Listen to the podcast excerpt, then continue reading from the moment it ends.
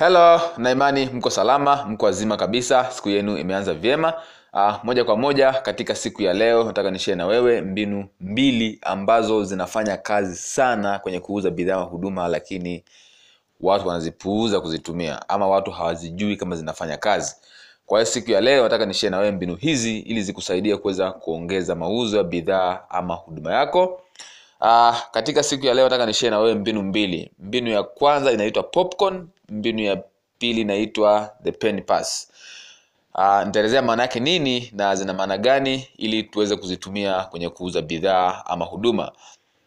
The popcorn uh, hii ni mbinu ambayo inafanya kazi kwa wale tu ambao wanafanya uh, live sales, yani wanafanya wanafanya ma, wanafanya training za live live training kwa mfano wale ambao wa- wa- wanaandaa ma seminars eh, wale ambao wanafanya training kwenye maofisi mbalimbali wale ambao wanafanya training kwenye kwenye mikusanyiko ya, ya watu aidha kuanzia watano au kumi kwenda juu.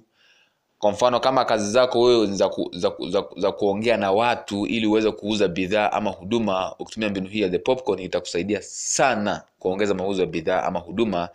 Kivipi sasa iko hivi? Uh, popcorn tunazifahamu wote I think. Popcorn ni zile ambazo watu wana, wanakula popcorn za kawaida zile. Pindi unapoongea na watu zaidi ya wa, kuanzia watatu wa wanne kwenda juu mpaka watu hamsini mpaka mia ukiwapa popcorn wakawa wanakula pindi wanakusikiliza juu ya bidhaa ama huduma yako unapowaambia juu ya kile ambacho wanakiuza kuna uwezekano mkubwa sana wa watu hao kununua bidhaa ama huduma yako hii iko tested kabisa haina haja ya kuijaribu tena. Ukiweza itumie tu.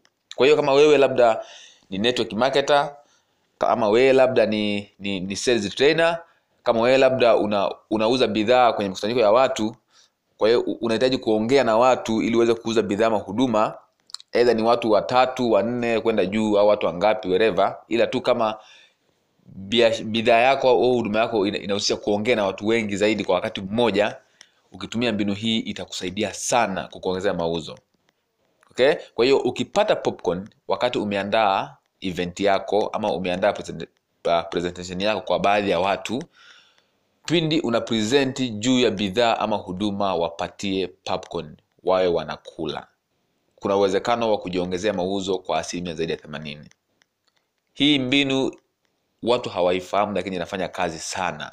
Na unaweza ukaipuuza lakini inafanya kazi kuliko kawaida.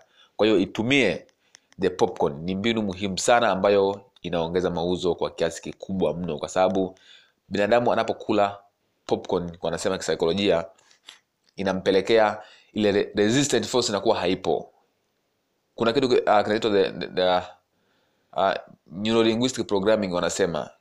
Kuna kitu uh, ndani pale wanakita the loop. The loop inafunguka ili kufunga kwa hiyo lazima afa, uh, wanasema anakuwa hana resistance ya, ya kukataa kile ambacho unaweza kumwambia ku- kuhusu bidhaa ama huduma.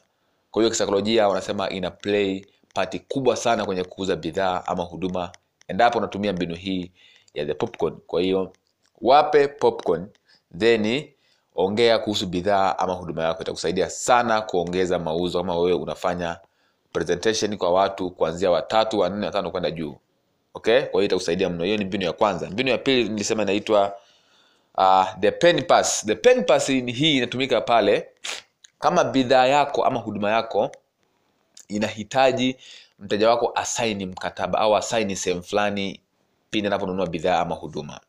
Sasa mbinu inafanya kazi hivi. Pindi unapoongea kuhusu bidhaa ama huduma ambayo inahitaji mteja akikubali asaini sehemu fulani. Uh, tumia hivi. Shikilia kalamu ambayo uta, utampa mteja asaini lakini wakati huo unaongea kuhusu bidhaa ama huduma yako kalamu hiyo usimpatie mteja ishikilie. Then karatasi yako ya kusaini iweke juu ya meza. Okay? Unapoongea juu ya bidhaa ama huduma yako mistake ambayo watu wengi wanaifanya akitaka kuuza bidhaa ama huduma anampatia mteja kalamu ili asaini. Usimpe mteja kalamu ili asaini pindi unapotaka kum, kumwomba ku, kuomba kuuza juu ya bidhaa kulima kumwomba mteja asaini sehemu fulani hiyo kalamu usimpatie mkononi iweke juu ya karatasi. Kwa hiyo wanasema kalamu ukiweka juu ya karatasi mteja akawa naiona kuna force fulani inamsukuma kuweza kusaini. Kuliko ukishampa unakuwa ni push sales person yani unakuwa ni kama vile unampush kufanya maamuzi ya kununua bidhaa. Lakini ukiweka ukiweka kalamu yako juu ya ya ya, ya, ya karatasi ya kusaini kuna uwezekano mkubwa sana mteja huyo akasaini karatasi na akasaini mkataba juu ya bidhaa ama huduma yako. Kwa hiyo bidhaa yako kama inahitaji mteja asaini sehemu fulani usimpe mteja kalamu mkononi. Kalamu hiyo iweke juu ya karatasi ya kusaini. Kuna force ambayo huwa ipo kisaikolojia mteja atasaini hapo hapo. Kwa hiyo mbinu hii inaitwa the pen pass. Kwa hiyo watu wengi wanafanya mistake kwamba wanapotaka kumwambia mteja asaini uh, kuhusu bidhaa ama huduma yake wanampa kalamu. Sichukua kalamu usaini basi. Ukimpa kalamu kuna uwezekano mkubwa sana mteja akakataa kwa sababu anakuwa na wewe vile unampush kuuza bidhaa ama huduma yako.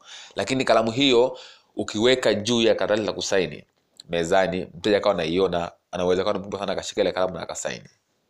Kwa hiyo kuweka kalamu juu ya karatasi ya kusaini au juu ya mkataba wa, wa, wa, juu ya kununua bidhaa ama huduma yako ina force kubwa kwa mteja kununua kuliko kumpatia mteja kalamu mkononi moja kwa moja. Kwa hiyo kutumia mbinu hiyo uh, the, uh, the pen pass itakusaidia sana kuweza kujiongezea mauzo ya bidhaa ama huduma yako. Mbinu hii inatumika kwa wateja tu ambao wanahitaji kusaini bidhaa ama huduma. I hope it is clear.